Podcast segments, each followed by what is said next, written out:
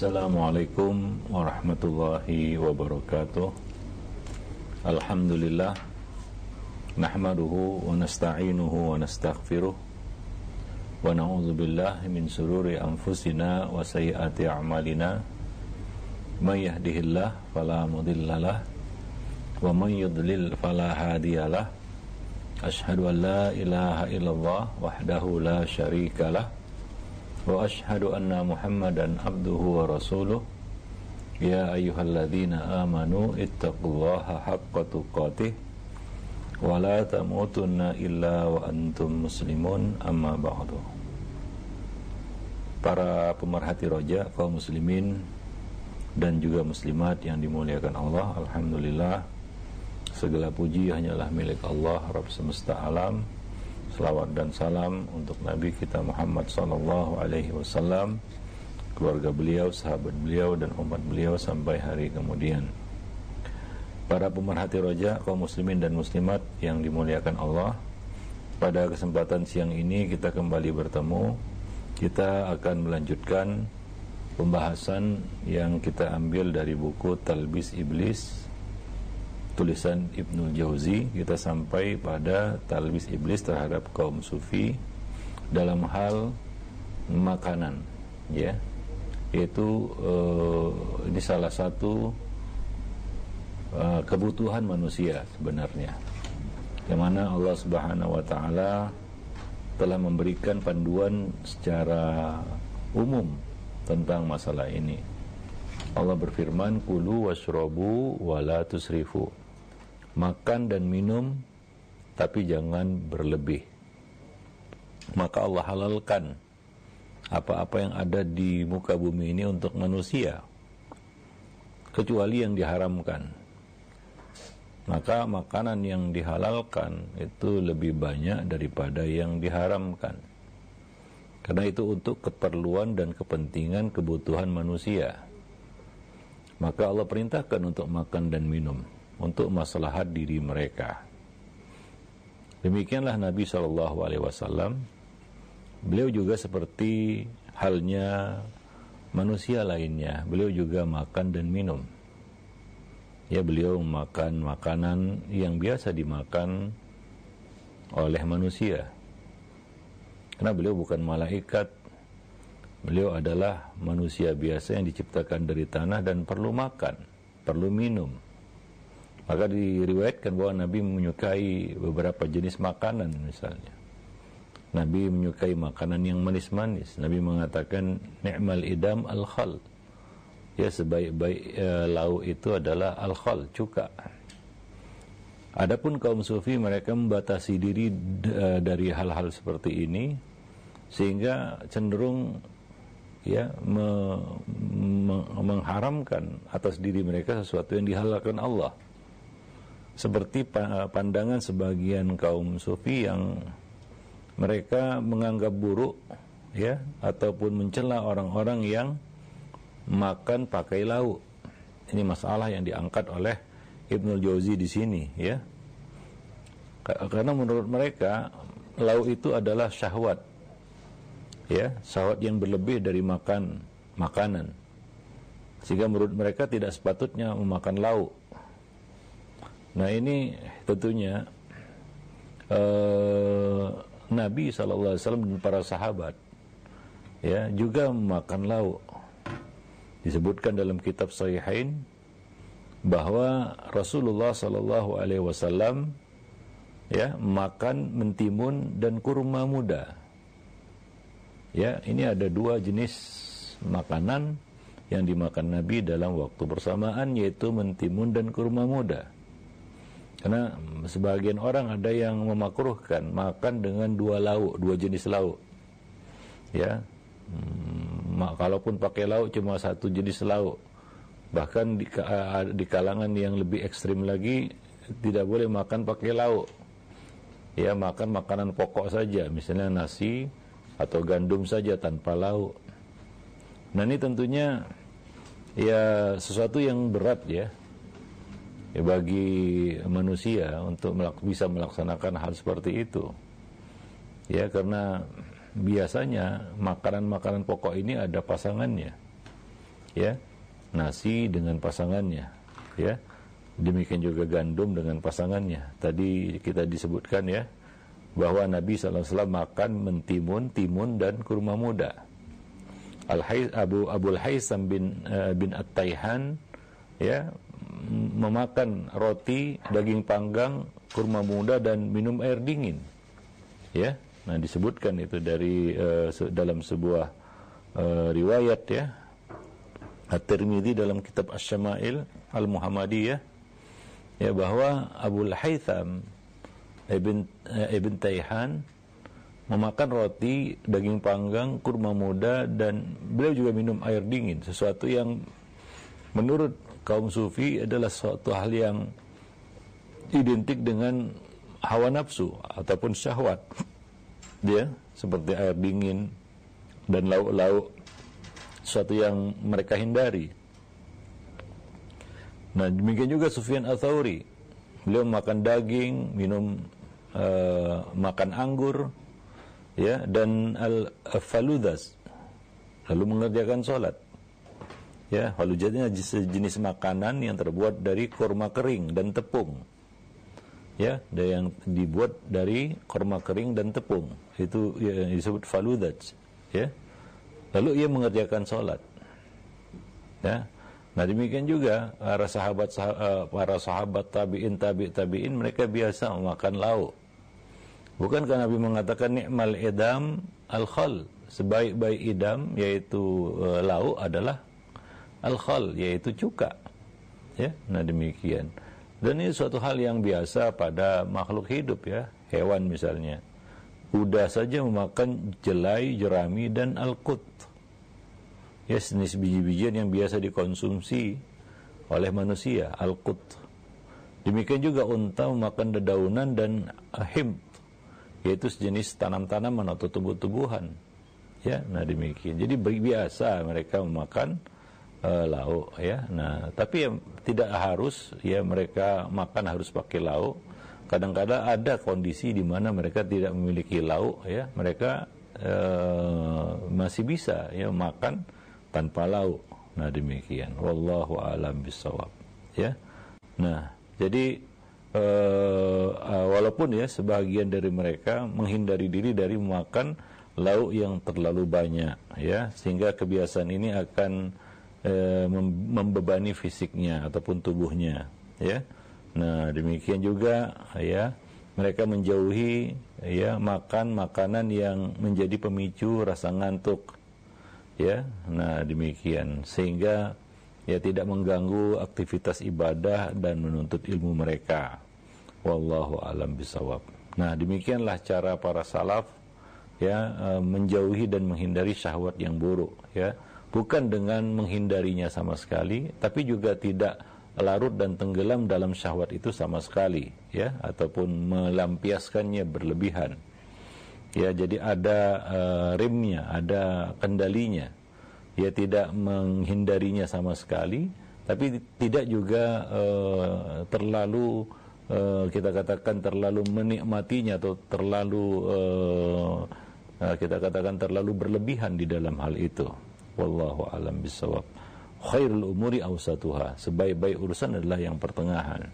Maka dari itu Allah mengatakan kulu washrabu wala tusrifu. Makan dan minumlah kamu tapi jangan berlebih-lebihan. Ya nah demikian. Ya ketika uh, seseorang makan roti gandum ya uh, ataupun yang lainnya ya dengan lauknya ya tentunya akan membuat ya apa ya uh, tercukupi kebutuhan dirinya. Wallahu alam bisawab. Taib. Dan mempersedikit asupan makanan akan mengeringkan dan mempersepit lambung. Ya, nah demikian. E, kalau itu berlebihan ini akan mudarat, tapi kalau ya kita katakan wajar, ini baik bagi tubuh tentunya ya. Nah demikian. Jadi antara keduanya, maka Nabi SAW mengingatkan kepada kita terkait dalam bab makan ini. Ya, silakan makan, silakan minum sebagaimana Nabi, tapi jangan berlebihan. Yang susah adalah uh, poin itu, yaitu jangan berlebihan itu, wala tusrifu. kadang-kadang kalau kita makan kita sering, sering lupa ya hingga makan sampai kekenyangan ada orang yang makan sampai kekenyangan hingga nggak bisa berdiri ya ya dia hanya bisa ter, uh, terkulai tergeletak ya karena kekenyangan ya nah demikian. Ya ini juga tidak baik tentunya ya. Maka uh, walatus rifu itu yang kadang-kadang kita nggak bisa uh, melaksanakannya. Kita sering israf berlebih-lebihan. Apalagi kalau prasmanan ya makanan terhidang begitu ya. Ya ingin rasanya semua diambil semua dicoba padahal ya ujung-ujungnya mubazir. Nah ini tentunya tidak baik ya. Nah demikian. Makan dan minumlah kamu secukupnya jangan berlebih-lebihan maka Nabi mengingatkan kepada kita ya di dalam hadis yang diriwayatkan oleh Al-Miqdam bin Ma'di Karib bahwa ia berkata Aku mendengar Rasulullah sallallahu alaihi wasallam bersabda ma mala'a ibnu Adam wi'aan syarran batnih. Tidak ada wadah yang lebih buruk untuk dipenuhi anak Adam selain perutnya. Ya, selain perutnya. Hasbu bin Adam akalatin yukimna sulbahu. Cukuplah bagi anak Adam beberapa suap makan makanan yang dapat menegakkan tulang punggungnya. Itulah dia fungsi makan, yaitu untuk kebutuhan diri. Ya jangan berlebih-lebihan. Maka kita lihat orang-orang yang misalnya makan prasmanan, ya apa yang dilihat diambil. Ini yang makan bukan mulutnya tapi matanya. Ya. Dia ingin memuaskan matanya, bukan ingin menutupi kebutuhan perutnya. Ya, maka dia ambil semuanya dia pun ke, uh, ke, ke, kesulitan untuk menghabiskannya. Bahkan ada yang tumbang lagi, ya, karena terlalu banyak ya makannya. Nah ini tentunya tidak baik ya bagi ya kesehatan juga nggak baik uh, makan yang berlebihan itu. Kebanyakan makan yang berlebihan ini ya, tubuh tidak mampu untuk mengurai makanan itu sehingga menjadi sampah dan beban bagi tubuh hingga akhirnya menimbulkan penyakit tentunya ya Nah, maka Nabi mengatakan di sini ini kaidahnya hasbub bihasbib bin Adam. Cukuplah bagi anak Adam itu ak, uh, ukulat ataupun akalat yaitu beberapa suap makanan yaitu makanan secukupnya yukimna sulbahu untuk menegakkan tulang punggungnya. Jadi makan ya sebatas keperluannya, ya tidak usah berlebih-lebih, ya sehingga membebani tubuh karena tubuh juga ada batasnya, ada batas kemampuannya. Ya, tidak e, semua makanan yang dimasukkan ke dalam tubuh itu bisa diurainya menjadi zat-zat yang bermanfaat. Apalagi itu berlebih. Itu yang menjadi beban bagi tubuh sehingga wajar kalau efeknya itu adalah kita mengantuk. Kalau kita kebanyakan makan, ya makan tidak e, memperhatikan e, kita katakan porsinya ataupun uh, kebutuhannya, ya maka efeknya adalah kita akan mudah mengantuk. Nah, kalau mengantuk ya kita tidak bisa beraktivitas. Ya, maka kadang-kadang ya sedang sholat kita terpaksa harus menahan kantuk yang berat. Kenapa? Karena kekenyangan. Ya, nah demikian. Jadi ini uh, ke kelaparan juga orang itu bisa terganggu sholatnya. Maka kalau dihidangkan makanan kamu eh, apa namanya kamu bernafsu untuk memakannya maka dahulukan makan daripada sholat ya walaupun sholat sudah diikomahkan ya karena kondisi lapar itu juga eh, apa namanya tidak baik demikian juga sebaliknya kondisi kekenyangan ini juga nggak baik. Itu bisa mengganggu sholat kita ya. Nah bisa mengganggu kekhusukan kita. Taib. Fa in kana la budda, jika kamu harus makan, ya, maka fathuluthun ta'amun wa thuluthun syarabun wa thuluthun linafasihi. Maka jika dia harus makan, maka porsinya adalah sepertiga untuk makanan, sepertiga untuk minuman, dan sepertiga, sepertiganya lagi untuk bernafas yaitu kasih ruang di dalam perut ini untuk bernafas. Ya, Ibnu Ibnu Jauzi mengatakan, syariat ini memerintahkan agar kita mengkonsumsi makanan sekadar untuk memelihara menjaga jiwa kita. Untuk menjaganya dan mengupayakan kemaslahatannya. Beliau mengatakan andai kata Abakratos ya, uh, salah seorang dokter atau tabib di pada masa Yunani kuno ya mendengar hadis Nabi tadi yaitu pembagian Nabi ya Nabi membagi tiga itu sepertiga untuk makanan sepertiga untuk minuman dan sepertiga untuk udara bernafas. Ya beliau mengatakan di sini Ibnu Jauzi mengatakan niscaya ya dia akan tercengang dengan hikmah ini ketahuilah makanan dan minuman akan mengembang dalam lambung sehingga bisa memenuhi seluruh ruangnya. Namun jika mengikuti ketentuan Nabi tadi berarti masih tersisa sepertiga untuk udara untuk bernafas, ruang kosong untuk bernafas. Ini adalah pembagian yang proporsional. Ya, proporsional. Ya kurang sedikit mungkin tidak masalah. Ya, namun jika kekurangan ini semakin meningkat, maka itu akan melemahkan kekuatan fisik. Ya nah misalnya orang ya tidak makan sehingga mungkin lambungnya uh, lambungnya juga akan rusak ya. Nah mungkin dia akan terkena uh, asam lambung dan sejenisnya. Jika perutnya uh, selalu kosong ya tidak terisi makanan ya. Nah sehingga bisa membahayakan kesehatan dirinya tubuhnya nah begitulah Nabi membaginya ya sepertiga untuk makanan sepertiga untuk minuman, sepertiga lagi untuk udara ya kita bernafas. Taib. Jadi uh, Rasulullah SAW telah memberikan kepada kita teladan ya di dalam bab makan dan minum ini. Ya, nah mengikuti tadi uh, ketentuan yang telah disebutkan Allah Subhanahu Wa Taala di dalam Al Quran. Kulu washrabu wala tusrifu. Ya, kalau kita perhatikan ayat tadi, kulu wasyrabu wala tusrifu. Bagian yang paling berat adalah wala tusrifunya. Di sini ada tiga perkara ya, makan, minum jangan berlebihan. Ya, ada perintah makan, perintah minum ini nggak susah lah. Siapa yang susah disuruh makan dan minum kan begitu ya. Tapi disuruh wala tusrifu, jangan berlebihan. Ya, nah ini yang kadang-kadang lupa.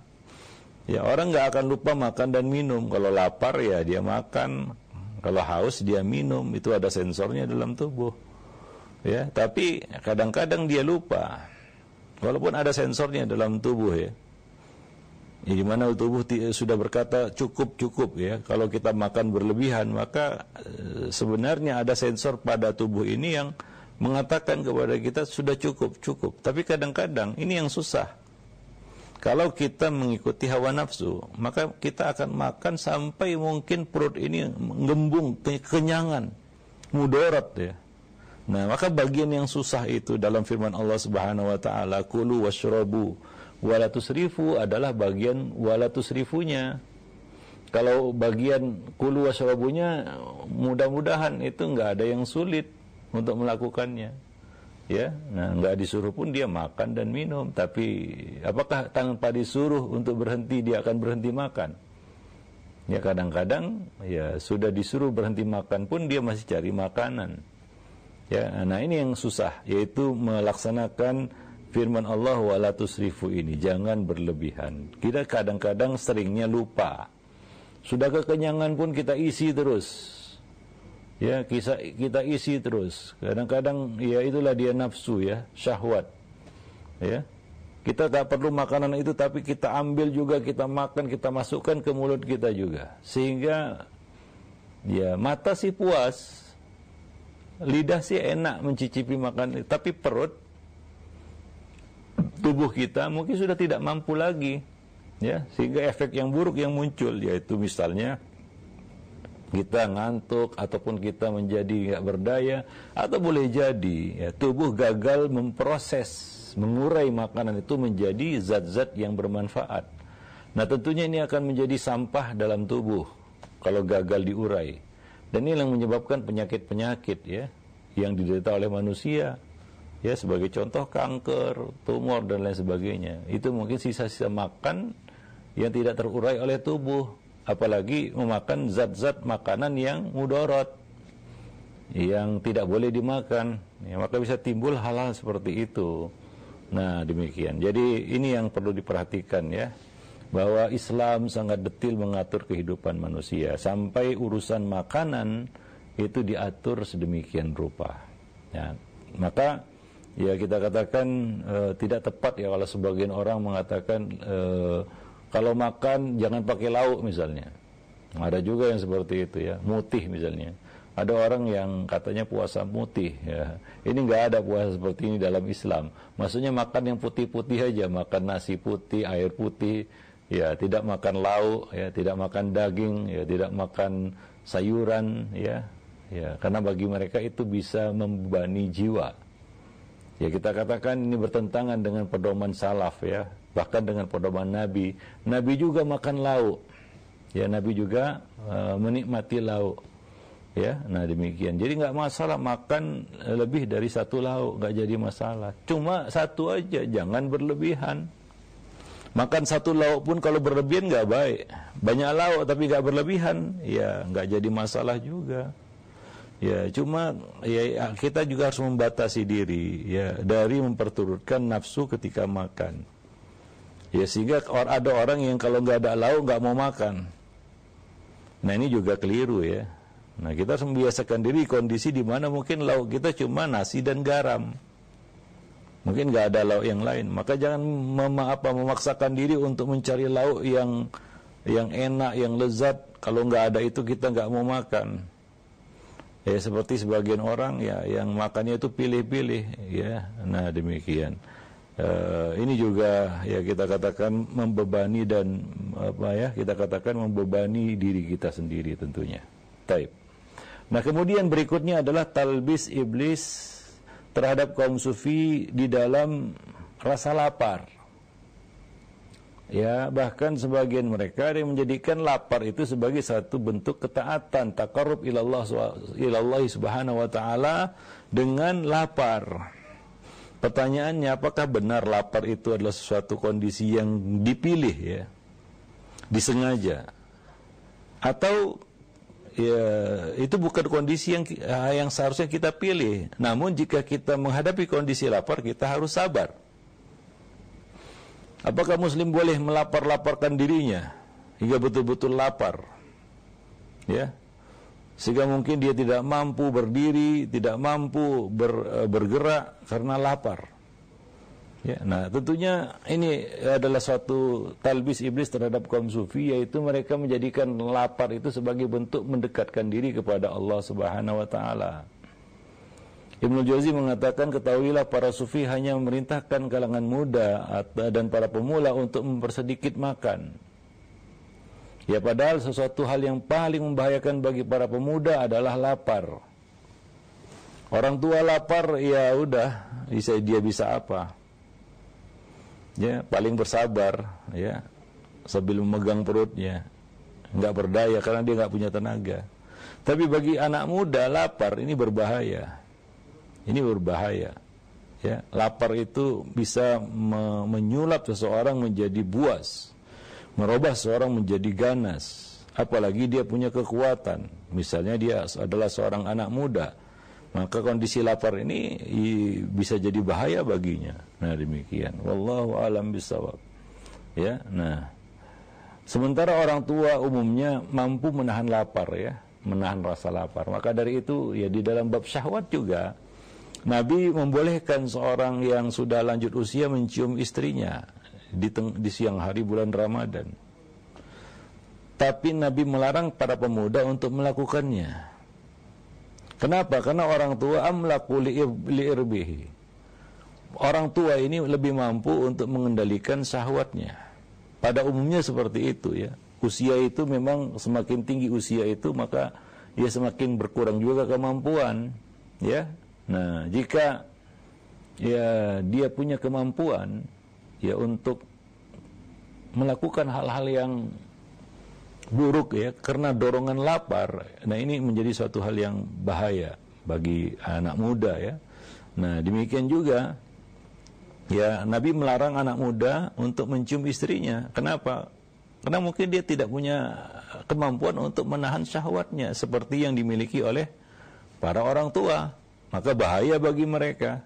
Ya bisa mungkin mereka bisa jatuh pada hal yang dilarang yaitu mendatangi istri di siang hari bulan Ramadan. Ya, maka Aisyah heran ketika Nabi memberikan keringanan kepada orang tua untuk mencium istrinya, sementara uh, anak muda yang bertanya hal yang sama, Nabi melarangnya. Nabi menjelaskan kepada Aisyah bahwasanya orang tua lebih mampu menahan nafsunya. Ya, jadi dalam kondisi lapar, orang tua mungkin dia bisa lebih sabar ya lebih bisa menahan diri ya lebih bisa untuk menahan uh, kita katakan laparnya beda dengan anak muda ini bisa menjadi satu yang membahayakan bagi mereka Baik. Nah, begitu pula di, dengan kalangan parubaya. Adapun para pemuda, mereka cenderung tidak bisa menahan rasa lapar. Ya, nah demikian. Penyebabnya adalah suhu panas dalam tubuh pemuda. Itu tentunya lebih tinggi lagi.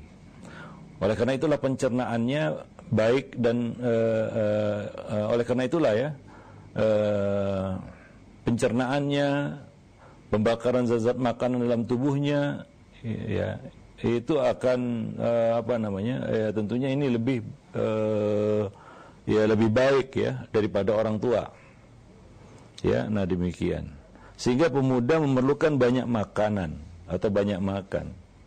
Ya seperti obat baru yang memerlukan banyak min, uh, banyak minyak. Ya maka nggak uh, sama ya. Ya seorang ya kita katakan uh, orang tua ya. Ya mungkin menahan diri dari makan dan minum. Dia lebih bisa menyedikitkan makan dan minumnya itu tidak terlalu mengherankan. Ya daripada anak muda. Ya anak muda. Ya nah demikian. Maka dari itu ya eh, mungkin yang sudah tua mengetahui ya bahwa ketika di usia tua kita makan pun sudah berbeda rasanya. Dan selera makan pun tidak seperti waktu muda. Ya selera makan kita juga nggak seperti waktu muda dulu ya mungkin kita makan ini makan itu sudah kehilangan rasa ya sudah kehilangan rasa. Rasanya tidak seperti waktu kita makan di waktu muda dulu, padahal makanannya sama. Ya maklumlah ya, mulut juga sudah berubah gitu ya. Kemampuan indera perasa juga sudah berkurang. Sehingga mungkin makanan yang kita makan itu rasanya ya mungkin tidak spektakuler dulu waktu kita masih muda. Maka dorongan untuk banyak makan juga semakin berkurang. Ya beda dengan anak muda. Ya. Ya beda dengan anak muda. Yang makan itu masih terasa nikmat seperti kita dulu waktu muda lah. Makan itu kan begitu nikmat. Karena alat perasanya yaitu lidah sebagai alat perasa itu juga sudah berubah ya berkurang kemampuannya. Nah demikian. Maka eh, nggak sama ya orang tua yang bisa menahan lapar dengan anak muda yang kurang mampu menahan lapar. Ya nah maka dan juga ya seorang anak muda masih muda lah kita katakan masih masa pertumbuhan perkembangan ya masih me membangun dirinya ya dengan ya zat-zat yang diperlukan oleh tubuhnya ya maka seorang e, pemuda menahan lapar pada masa-masa awal pertumbuhannya itu berarti sama saja dia menghambat pertumbuhan fisiknya ini sama saja dengan orang yang meruntuhkan pondasi dinding rumah lambung manusia itu akan terus mencari sisa-sisa makanan yang mengendap dalam tubuh. Nah, jika tidak ada asupan yang bisa dicernanya, itu dapat mengganggu kerja otak dan fungsi tubuhnya yang lain. Ya, nah itu kenapa ya kita katakan e, nggak sama ya porsi anak muda dengan porsi orang tua. Ya, nggak bisa dibalik gitu. Anak muda dikasih sedikit, orang tua dikasih banyak Orang anak muda merasa kurang, orang tua merasa kelebihan. Ya karena usia, faktor usia. Ya para pemerhati rojak kaum muslimin dan muslimat yang dimuliakan Allah. Nah demikian. Ya, maka para ulama menyatakan bahwasanya mengurangi makanan dapat melemahkan badan. Ya, maka ada hak-hak. Ya, anak-anak eh, kecil misalnya, bayi misalnya. Dalam Islam mereka punya hak dua tahun untuk disusui punya hak ya, dan kewajiban kedua orang tuanya untuk mencukupi hak tersebut. Tidak boleh dia abaikan. Ya, orang tua wajib itu untuk memberikan hak bagi para bayi ini. Dua tahun. Ya, yurdi'na auladahunna haulaini kamilaini. Me, apa namanya? Me, menyusui ya bayi-bayi mereka dua tahun penuh. Itu hak bayi. Harus dicukupi oleh ayah dan ibunya. Apa pun ceritanya. Ya karena mereka dalam masa pertumbuhan. Ya, perlu makanan itu nggak tepat kita katakan kepada seorang anak, nak tahan lapar ya. Ya, maka dulu para salaf kita dengar cerita-cerita baik dari umat-umat terdahulu maupun di kalangan para salaf, mereka itu berkorban untuk anak-anak mereka dalam hal makanan. Ya, pernah ada seorang yang datang kepada Aisyah, seorang wanita dengan dua orang anaknya. Ya, mereka meminta sesuatu, Aisyah tidak memiliki sesuatu, hanya kurma yang ada. Maka Aisyah pun memberikan kepada mereka, ya, keluarga itu, anak dan kedua anaknya, eh, seorang ibu dan kedua anaknya itu, tiga butir kurma. Tiga butir kurma. Eh, af afwan satu butir kurma. Uh, tiga, tiga butir kurma. Lalu dibagikanlah satu masing-masing satu. Tiga butir kurma ya di, diberikan dua butir korma itu kepada masing-masing anaknya dan bagiannya satu butir korma ya namanya anak-anak ya dikasih kurma langsung habis. Anak-anak. Ya tersisalah kurma yang ada di tangannya. Maka setelah kedua anaknya ini makan dia melihat ibunya. Nah ibunya ini paham. Begitulah naluri keibuan ya bahwa anaknya perlu makan ya. Anaknya perlu makan. Maka dengan rasa kasih sayang ada di dalam hatinya dia belah itu kurma menjadi dua, dia berikan kepada masing-masing anaknya. Sementara dia sendiri tidak makan. Demikianlah dahulu ya, para salaf berkorban dalam hal makanan untuk anak-anak mereka. Karena wanita ini sadar anaknya perlu makan, sementara dirinya masih bisa menahan lapar. Ya, masih bisa menahan lapar. Ya, mungkin tidak sebutuh dan seperlu anaknya terhadap makanan ya maka ia pun berkorban memberikan kurma itu kepada anaknya kepada kedua anaknya dengan cara membelahnya. Begitulah para pemerhati raja kaum muslimin dan muslimat yang dimuliakan Allah. Bagaimana seorang uh, ayah dan ibu itu berkewajiban memenuhi hak ya anak-anak mereka memberikan makanan ya bagi mereka. Karena mereka dalam masa pertumbuhan Ya, jadi e, konsep sufi ini yaitu menyedikitkan makanan lalu diterapkan kepada anak-anak muda ini bisa mengganggu perkembangan tubuh mereka. Ya, maka Allah e, melarang ya e, kita katakan meninggalkan anak keturunan kita dalam kondisi lemah, zuriatan di'afa, khafu alaihim yang kamu khawatir atas mereka. Ya, menjadi anak yang kurang gizi, anak yang lemah secara fisik, ya Nah ini kan merugikan mereka nantinya. Ya, mereka perlu ya kita katakan makanan-makanan tersebut ya untuk menopang kehidupan mereka. Wallahu alam bisawab. Maka para ulama mengatakan bahwasanya mengurangi makan dapat melemahkan badan. Maka badan perlu, perlu hak ya untuk dicukupi agar dia tidak menjadi lemah dan Allah juga menyukai ya seorang mukmin yang kuat. Ya, diriwayatkan dari Ahmad bin Hambal, dia dimintai pendapat oleh Uqbah bin Mukrin terkait mereka adalah orang-orang yang makan sedikit serta menyedikitkan menyedikitkan makanannya atau menyedikitkan makannya.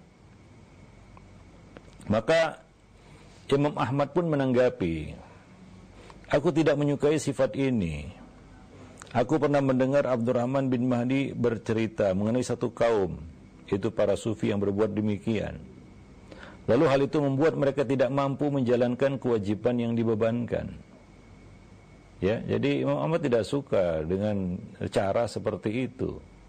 Ya, sengaja melapar-laparkan diri lalu kemudian memudaratkan dirinya. Allah mengatakan walatul kubi aidikum ila tahlukah bahwa melaparkan diri itu bukan bentuk uh, takarrub mendekatkan diri kepada Allah Subhanahu wa taala. Beda kondisi orang itu memang tak tak punya makanan dia lapar. seperti kondisi yang sering uh, dialami oleh Nabi Shallallahu Alaihi Wasallam dan para sahabat. Ya, mereka mengalami kondisi lapar karena tidak ada makanan. Tapi jika ada makanan, mereka tidak akan membiarkan diri mereka lapar. Mereka akan menyantap makanan itu. Ya, jadi beda itu dengan apa yang dilakukan oleh kaum sufi ini. Mereka sengaja melaparkan diri ya sengaja melaparkan diri. Kita sudah sampaikan sebelumnya bahwa ibadah puasa sekalipun yang menahan diri dari makan dan minum itu juga bukan berarti kita melapar-laparkan diri dengan puasa tanpa sahur dan menunda-nunda berbuka. Ya, nah demikian. Memang salah satu efek ibadah puasa itu lapar karena kita tidak boleh makan dan minum di siang hari. Ya, itu efek ibadah puasa. Bukan ibadah puasa itu ibadah melaparkan diri itu adalah satu uh, pandangan yang keliru, berbeda itu, ya. Jadi kita puasa itu bukan uh, ibadah lapar, bukan. Itu salah satu uh, ya, akibat ya kita menahan diri dari makan dan minum dari mulai terbit fajar, terbit fajar sampai terbenam matahari. Ya, namun bukankah sebelum terbit fajar kita dianjurkan untuk makan sahur? Bahkan diakhirkan. Bukankah begitu terbenam matahari kita dianjurkan untuk segera berbuka? Jangan menunda-nundanya. Ya. Jadi bukan ibadah untuk melapar-laparkan diri seperti yang dilakukan oleh kaum sufi. Mereka sengaja melaparkan diri sementara mereka mampu makan, mereka bisa makan. Bukan nggak bisa. Ya, nah demikian. Diriwayatkan dari Daud bin Subai, ia bercerita, aku berkata kepada Abdurrahman bin Mahdi, Wahai Abu Sa'id, di negeri kita ini ada para sufi. Maka Abdurrahman menasihati, janganlah kamu mendekati mereka. Sebab kami mengetahui sebagian di antara mereka menjadi gila karena cara hidup seperti itu. Dan sebagian lagi menjadi zindik. Ya karena uh, kita katakan ritual-ritual yang tidak ada tuntunannya dan cenderung menyiksa diri. Ya dan sebagian dari mereka gak mampu sehingga e, berakhir dengan ya satu hal yang tragis yaitu menjadi gila. Ya sebagian lagi ya lebih tragis lagi yaitu menjadi zindik. Wallahu alam bisawab. Ya diriwayatkan dari Al-Marwazi yang mengisahkan aku mendengar Abu Abdullah Ahmad bin Hanbal berkata pada saat ada seorang yang mengadu kepadanya sudah 15 tahun jiwaku dikuasai iblis Kerap aku merasakan was-was yang membuatku memikirkan, memikirkan tentang Allah. Maka Imam Ahmad pun menekankan, mungkin ini karena kamu terus-menerus berpuasa. Berbukalah, makanlah sesuatu yang berlemak. Ya. Artinya apa? Mungkin karena kamu terlalu menyiksa diri ya. Enggak makan, enggak minum, akhirnya ya pikiran pun menjadi gak normal Ya karena otak tidak bisa berfungsi sebagaimana mestinya karena perut lapar. Ya. Nah, dan dia merasa 15 tahun dikuasai jiwanya dikuasai oleh iblis. Mungkin rasa lapar itu yang dia maksud ya, hingga dia nggak bisa berpikir jernih. Ya. Nah, lalu dia e, merasa was-was. Ya, nah demikian. Ya, maka Imam Muhammad mengatakan, mungkin ini karena kamu terus-menerus berpuasa maka berbuka, berbukalah, makanlah artinya ya. Makanlah sesuatu yang berlemak kata Imam Ahmad. Wallahu alam bisa. Sama itu ada orang yang temperamental, marah-marah di usia mungkin yang nggak muda lagi. Harusnya usia-usia senja seperti itu dia lebih santun kan begitu ya. Nah, tapi orang ini menjadi temperamental di usia di ujung usianya. Maka mungkin ini pengaruh makanan. Coba periksakan kolesterolnya, jangan-jangan tinggi itu, semuanya tinggi, asam urat tinggi, gula darah tinggi, kolesterol juga tinggi, semuanya tinggi, jadi darah tinggi, akhirnya temperamental kan begitu ya. Jadi mempengaruhi kebanyakan ya dan mengkonsumsi makanan-makanan yang eh, kita katakan berbahaya. Bagi tubuh itu juga memudorotkan. Nggak makan ya itu juga memudorotkan juga. Sehingga orang itu tidak bisa berpikir jernih.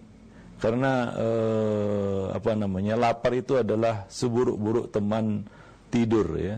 Bisa doji ya. Nah disebutkan eh, ke kefakiran ya. Ya, kekurangan itu uh, adalah seburuk-buruk tempat teman tidur. Ya, kita nggak akan bisa tidur kalau kondisi perut kita sangat lapar. Kita nggak bisa berpikir jernih kalau kondisi kita sangat lapar. Demikian juga kita nggak bisa beribadah kalau kondisi kita sangat lapar. Ya, maka makan kata Imam Ahmad di sini makanlah. Berbukalah kalau kamu puasa berbuka, jangan puasa terus-menerus. Ya, makanlah makanan yang bergizi juga, makanan yang berlemak, ya memang itu semua dibutuhkan oleh tubuh.